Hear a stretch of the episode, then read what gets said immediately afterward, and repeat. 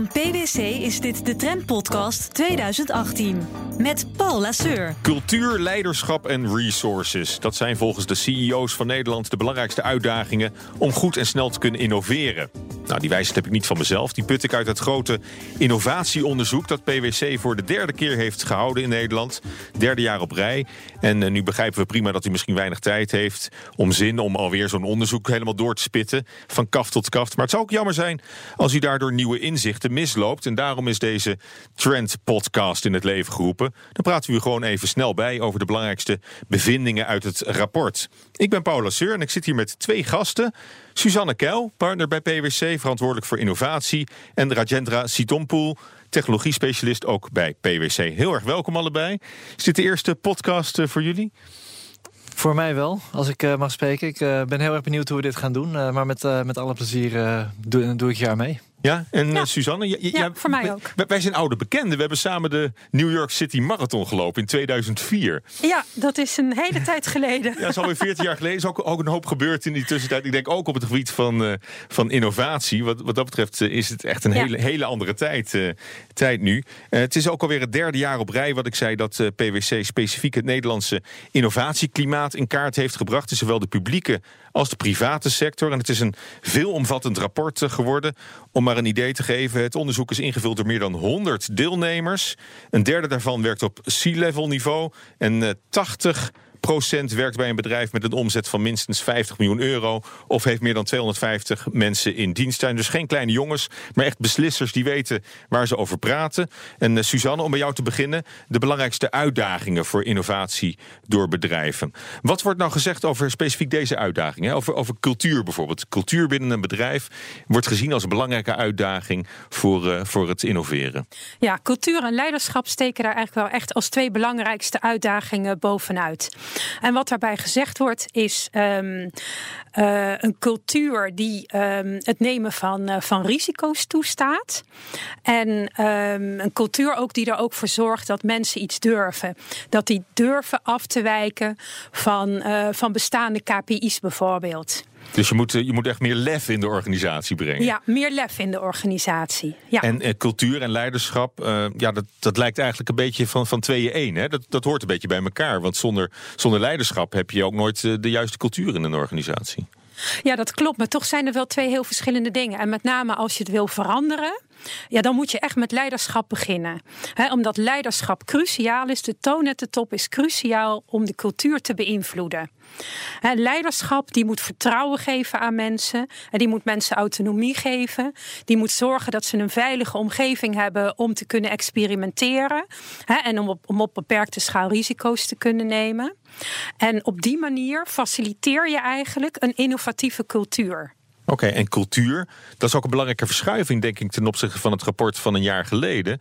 In 2016 was er nog een hele andere top drie van, uh, van uitdagingen die, uh, die bedrijven zagen. Toen was het nog uh, performance indicators op één. Hè? Dus veel, veel technischer, veel minder, minder zacht en ja, veel minder klopt. subjectief ja, dit dan jaar, cultuur. Dit jaar zie je echt dat de, de zachte factoren, hè, leiderschap en cultuur, bovenaan staan als belangrijkste knelpunten.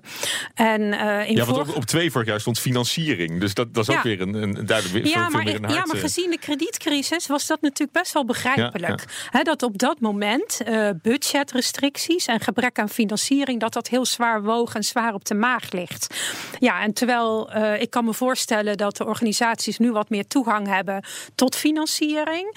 Door, door, uh, omdat het economisch beter gaat, er ook wat ruimere budgetten zijn. Ja, en dan komen andere factoren naar boven van wat doe je dan met dat geld? Hoe ga je dat dan besteden? Dus eigenlijk zeg je, het is een positieve ontwikkeling dat meer die, die, die zachte elementen nu eigenlijk meer, uh, meer bovenaan zijn komen te staan. Ik denk dat het een hele positieve ontwikkeling is. Ook omdat je uit de literatuur leest dat juist uh, cultuur en leiderschap zo enorm belangrijk zijn voor innovatie. Ook onderzoeken die door de RSM worden gedaan, dan hebben ze het over um, het slimme, slim management, wat nodig is voor, voor, voor innovatie. Dus die aandacht daarvoor is echt heel erg hard nodig. Ja, nou, vast op drie is nog altijd resources. Hè, dus dat is toch wel een ding. Dat, dat gaat voorlopig ook nog niet weg. Hè. De angst, denk ik, bij, bij ondernemers. Uh, of ze wel uh, de juiste mensen zullen kunnen vinden. om, om dat innovatietraject helemaal uh, te doorlopen met elkaar. Ja, maar dat heeft ook nog een ander aspect. Dat is niet alleen maar de juiste mensen. maar dat is ook voldoende capaciteit om aan innovatie te besteden. Want ook dat zie je eigenlijk nu het economisch beter gaat. zijn de mensen op de werkvloer drukker. Gewoon met productie. Hè, of zoals bij PwC, met de diensten verlenen aan onze klanten. Dus je hebt gewoon meer handjes en hoofdjes nodig. Ja, en dan is het wel een uitdaging om juist voldoende capaciteit vrij te maken ook uh, om te investeren in de toekomst. Ja, maar dus resources is echt wel een constante factor als je kijkt naar uitdagingen voor innovatie. Resources is een constante factor, maar de, uh, de verschijningsvorm van die uitdaging die wisselt een beetje. He, dus nu, uh, wat, wat je dus nu naar boven komt in de, na de crisis, zie je toch vooral he, de, uh, het tekort aan capaciteit. Maar je kunt je ook voorstellen dat het gaat om voldoende gekwalificeerde resources. Maar dat zag je in dit onderzoek iets minder. Oké, okay, ja. nou, als we dan nog even teruggaan naar, naar cultuur en leiderschap, hè, komt toch naar voren als, als de, de top 2 van, uh, van de uitdagingen voor innovatie. Um, hoe, hoe, moet je daar naar kijken? Waar moet, waar moet de cultuur, de bedrijfscultuur, waar moet het leiderschap aan voldoen om innovatie zoveel mogelijk te, te stimuleren? Nou, wat belangrijk is in leiderschap, is dat, um, uh, dat je mensen voldoende autonomie geeft en voldoende uitdaging betrekt bij innovatie. Je zou dat faciliterend leiderschap kunnen noemen, um, invoelend, dus niet uh, uh, autoritair. En dus dat zijn eigenlijk kenmerken van leiderschap die belangrijk zijn voor innovatie. Ja, en kun je niet, kun je niet zeggen dat, dat, dat, dat we in die zin al de goede kant op bewegen, omdat dat bovenaan uh, uit, uit het onderzoek naar voren komt? Ja, alleen uh, kijk, uh, de respondenten van het onderzoek, dat is niet alleen maar C-level. Dat is ongeveer half-half geweest C-level. Plus um, mensen die binnen organisaties verantwoordelijk zijn voor innovatie. En um, je ziet vooral van die groep, want die antwoorden kunnen we natuurlijk helemaal analyseren. Mm. En je ziet vooral voor de mensen die verantwoordelijk zijn voor innovatie dat ze eigenlijk aangeven dat hun, um, hun management um, op dit gebied wel wat mag veranderen. Het management moet, uh, moet veranderen. Dat is, dat is ook wel een uh, belangrijke boodschap die je uit dit uh, rapport zou kunnen, kunnen lezen. Ja, dat, je, um, hè, dat het leiderschap meer uh, autonomie zou moeten geven, meer zou moeten delegeren, uh, meer faciliterend, mensen betrekken bij innovatie. En er komt nog een ander uh, belangrijk punt bij. En dat is um, digitale kennis. Um, he, want veel maar dat is, dat is een beetje een open deur, denk ik. Voor innovatie heb je digitale kennis nodig. Ja, dat klopt. Maar dat is met het leiders, bij het leiderschap niet altijd te vinden. Oh, die laten hun e-mails nog uitprinten door, door de secretaresse. Komt voor. Ja. Dat komt voor. Ja. Uh, terwijl dat natuurlijk wel belangrijk is. Als je in deze tijd, he, uh, veel innovatie is digital enabled. Um, en digital geeft ook allerlei nieuwe kansen. He, dus om over innovatie na te denken, moet je wel een beetje snappen wat technologie voor je kan doen. Ja, maar het belangrijkste is, en dat zei eigenlijk ook al aan het begin van het gesprek, er moet meer lef in organisaties komen. Je moet minder sturen op de output. En je moet juist mensen de ruimte geven om, uh, om, om ook om te falen, om fouten te maken. Om, om zeg maar uh, ja, bij trial and error ja. eigenlijk uh, nou, langzaam is, te ontwikkelen. Dat, dat is zeker belangrijk. Um, aan de andere kant wil je natuurlijk geen maatschappelijke fouten maken. Dus dan moet je zorgen voor een, een, beschermde omgeving waarin mensen kunnen experimenteren en kunnen, en fouten kunnen maken. Je wil niet fouten maken die gevolgen hebben voor je klanten. Maar wat je wel moet toestaan, is dat je mensen de tijd en de ruimte geeft om te experimenteren en accepteren dat niet iedere innovatie lukt. Oké, en in Nederland kan ik mij zo voorstellen, we zijn niet een hele autoritaire samenleving. Hè? We zijn vrij egalitair, ook van, van karakter. Dus ik, ik denk dat dat aspect uh, op zich in Nederland relatief goed zit. Ik denk ook dat het uh, in Nederland relatief goed, uh, goed zit. En je ziet dat ook bij, bij PwC wel, als ik ons vergelijk met andere landen. Hè, dat we best veel, veel creatieve mensen hebben. Dat mensen in verhouding veel eigen initiatief mogen nemen. Dat klopt. Ja. Denk je dat de, de overheid daar nog een rol in zou moeten spelen? Nou, ik denk dat de overheid uh, vooral een rol speelt in, uh, in opleiding, scholing en opleiding. Ook natuurlijk wel in research en in, uh, in kennisontwikkeling, in fundamenteel onderzoek. En topsectorenbeleid, is dat nog van belang? Ja, zeker. Ehm, daar daar zijn de meningen natuurlijk over verdeeld, over het, over het succes daarvan. Aan de andere kant, ja, je kunt zeggen het glas is half vol of het is half leeg. Het heeft ons natuurlijk ook best een aantal sectoren gebracht waar we echt wel vooruit lopen internationaal. Oké, maar goed, de overheid en het bedrijfsleven moeten, moeten samenwerken. Kenniscentra hebben daar een rol in. Ja, die samenwerking tussen overheid, bedrijfsleven en kennisinstellingen, we noemen dat ook wel de triple helix, die is inderdaad heel, eh, heel, heel, belangrijk. Dat is een ja. apart hoofdstukje nog in het, uh, in het rapport geworden. Niet zozeer in het. Ja, nou ja, inderdaad. We noemen het daar geen triple helix, maar die samenwerking met kennisinstellingen en, en onderwijs komt uitgebreid aan bod. Oké, nou dan nog twee woorden die vaak samen in één zin worden gebruikt: innovatie en risico. Dus je moet ook als bedrijf, denk ik, niet risico-avers zijn, maar je moet juist het risico een beetje opzoeken. Ja, uh, zeker. Uh, en je moet naar manieren zoeken om dat risico ook behapbaar te maken. Hoe doe je dat? Nou ja, wat ik daar belangrijk in vind, is um, dat je dus innovatieprojecten opknipt in kleinere stukjes, dus in sprints. Google heeft die eh, sprintaanpak voor innovatie mhm. ontwikkeld. En dat is natuurlijk een manier om niet heel veel geld ineens te besteden aan iets wat klanten misschien helemaal niet willen hebben, maar innovatie op te delen in korte sprints en daar je klanten bij te betrekken. zodat als een iets mislukt, ja, dan heb je een sprint die niks heeft opgeleverd. En dat is wat eigenlijk het ergste wat je kan gebeuren. Ja, nou ja, goed. Tech is ook, uh, ook waar we met uh, Rajendra natuurlijk over verder willen praten. Want jij bent een beetje de tech-kid van uh, PwC, als ik het, als ik het goed begrijp. Um, ja, als we, er is ook een rapport van PwC uitgekomen waar PwC bij betrokken was. De State of Tech. Dat sluit, hier feilloos op aan. Want wat, eh, wat Suzanne ook net, net zegt. Uh, ja, technologie is geen doel op zichzelf. En toch heb ik wel eens het idee. Hè, als je kijkt naar alles met, uh, wat er met drones gebeurt. Of met artificial intelligence. Dat, dat je eerst de tech hebt. En er dan naar allemaal toepassingen gaat, gaat zoeken. Dus dan is de tech wel degelijk leading in, in wat je ja, dat is, als, dat, is, dat is om, daar, ja, om kort op te reageren. Dat is wat we, wat we veel klanten zien.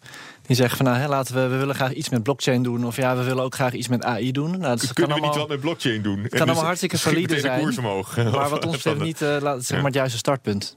Waar we heel nadrukkelijk op zoek naar zijn is... Uh, ja, natuurlijk, hè, we moeten weten wat de stand van technologie is... en wat het toestaat uh, om te doen.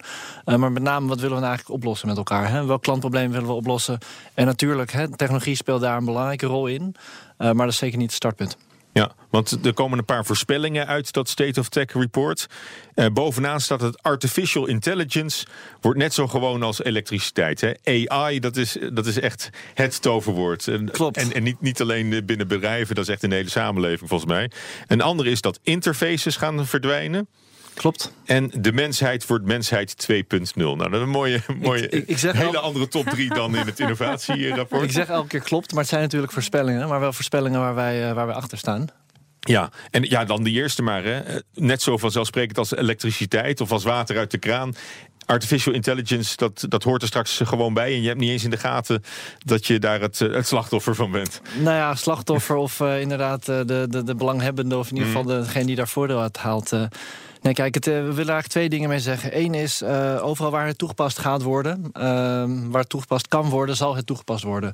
dus in, uh, in je mobiele telefoons, in je elektronica die je thuis hebt... in, in apparaten, daar waar de toepassing mogelijk is... daar zal het steeds meer komen. maar het gaat ook steeds onzichtbaarder worden. Zoals ook elektriciteit niet zien. Ik bedoel, we gebruiken het, maar mhm. het is niet tastbaar. Uh, datzelfde, dat vergelijk maken we ook met AI. Dat we zeggen, nou ja, uh, het gaat overal inzetten, maar je gaat dat niet merken. Je gaat het niet aan of uitzetten. Het is er gewoon. Het gebruik daarvan wordt ook veel intuïtiever. Hè? Dat, dat wordt niet, uh, je hoeft daar niet allemaal knoppen voor in te drukken. Klopt, dat is, dat is dus inderdaad... Ook, die, die interface die, Klopt, die dat is inderdaad. Hè, we zijn natuurlijk gewend om te, te swipen en te typen. maar onder andere door middel van kunstmatige intelligentie... kunnen we op hele andere manieren aansturen, besturen en eigenlijk ja, de, elektronica laten doen wat we willen doen. Uh, en dat kan door middel van gezicht, kan door middel van gebaren, door spraak. Dus daar zijn heel veel, uh, heel veel mogelijkheden. Door bewegingen. Dus als, als, we over een paar jaar mensen over straat zien lopen, dat, dat is nu al een beetje. Als ze een telefoongesprek eh, hands-free voeren op straat, dan denk ik altijd al dat ze niet goed wijs zijn. Maar dat, dat gaan we dus nog veel meer meemaken. Dat, de, dat de mensen ineens rare bewegingen zien maken, omdat ze daarmee eigenlijk hun, hun ja, computer, het kunnen, hun computer ook, bedienen. het kunnen hele subtiele dingen zijn. Als je het hebt over gezichtsherkenning of inderdaad hè, een computer. Slimme brillen en oortjes. Je haalt er nu heel veel door elkaar, inderdaad ook. Ja, inderdaad ook. Uh, we kunnen real-time vertalen. Dus ik kan inderdaad een gesprek hebben met iemand uit uh, Japan... Uh, waar dat voorheen niet mogelijk was. nou, dat, dat wordt allemaal in steeds grotere mate mogelijk. Maar, maar, op welke termijn dan? Want dat, dat klinkt mij dan ineens alweer als toekomstmuziek. Nou, kijk, de, de producten zijn er. Hè? Dus als je naar, naar, naar de producten en naar de services kijkt die uit de Valley komen, uit Silicon Valley, dan zie je dat er inderdaad vanuit Google gewoon oordopjes op de markt worden gebracht. Die zeggen: hè, je, je kan ons gebruiken als real-time vertaler.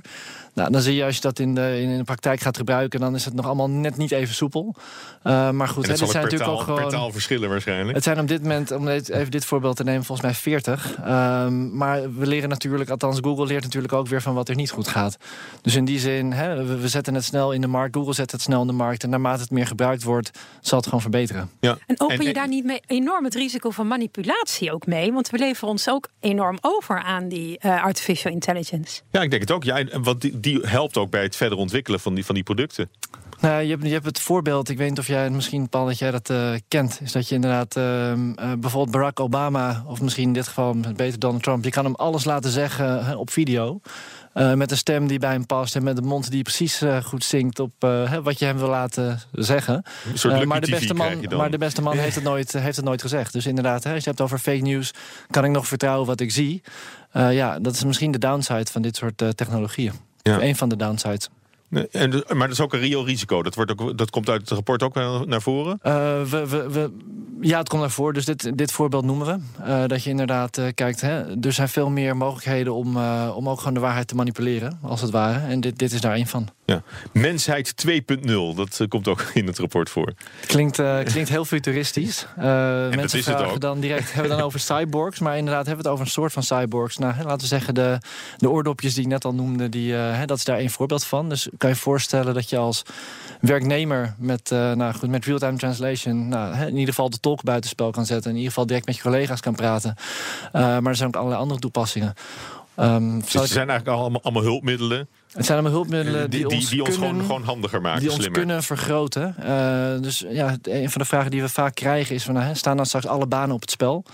Uh, nou, nee, niet alle banen staan op het spel, maar bijna alle banen zullen veranderen.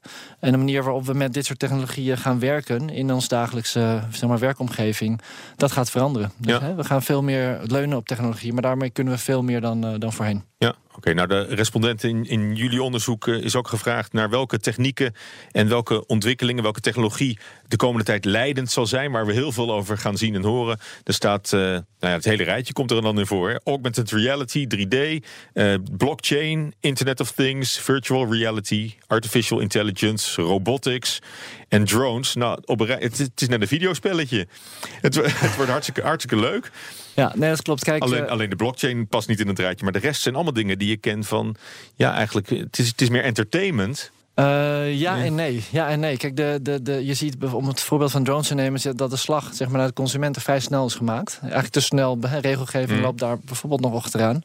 Maar hoe we het bijvoorbeeld binnen PwC uh, gebruiken, is dat we zeggen: oké, kunnen we drones niet toepassen om te kijken hoe, um, hoe, hoe, de stand van de, de bouw van een bepaald vastgoedobject, uh, voort, wat de voortgang okay, is. gewoon luchtfoto's of, of luchtfoto's. Ja. dus dan, dat gecombineerd met slimme data-analyse kan je dus heel erg goed zien: oké, wat is nou dus de status en dus ook de waarde van het object op dit moment.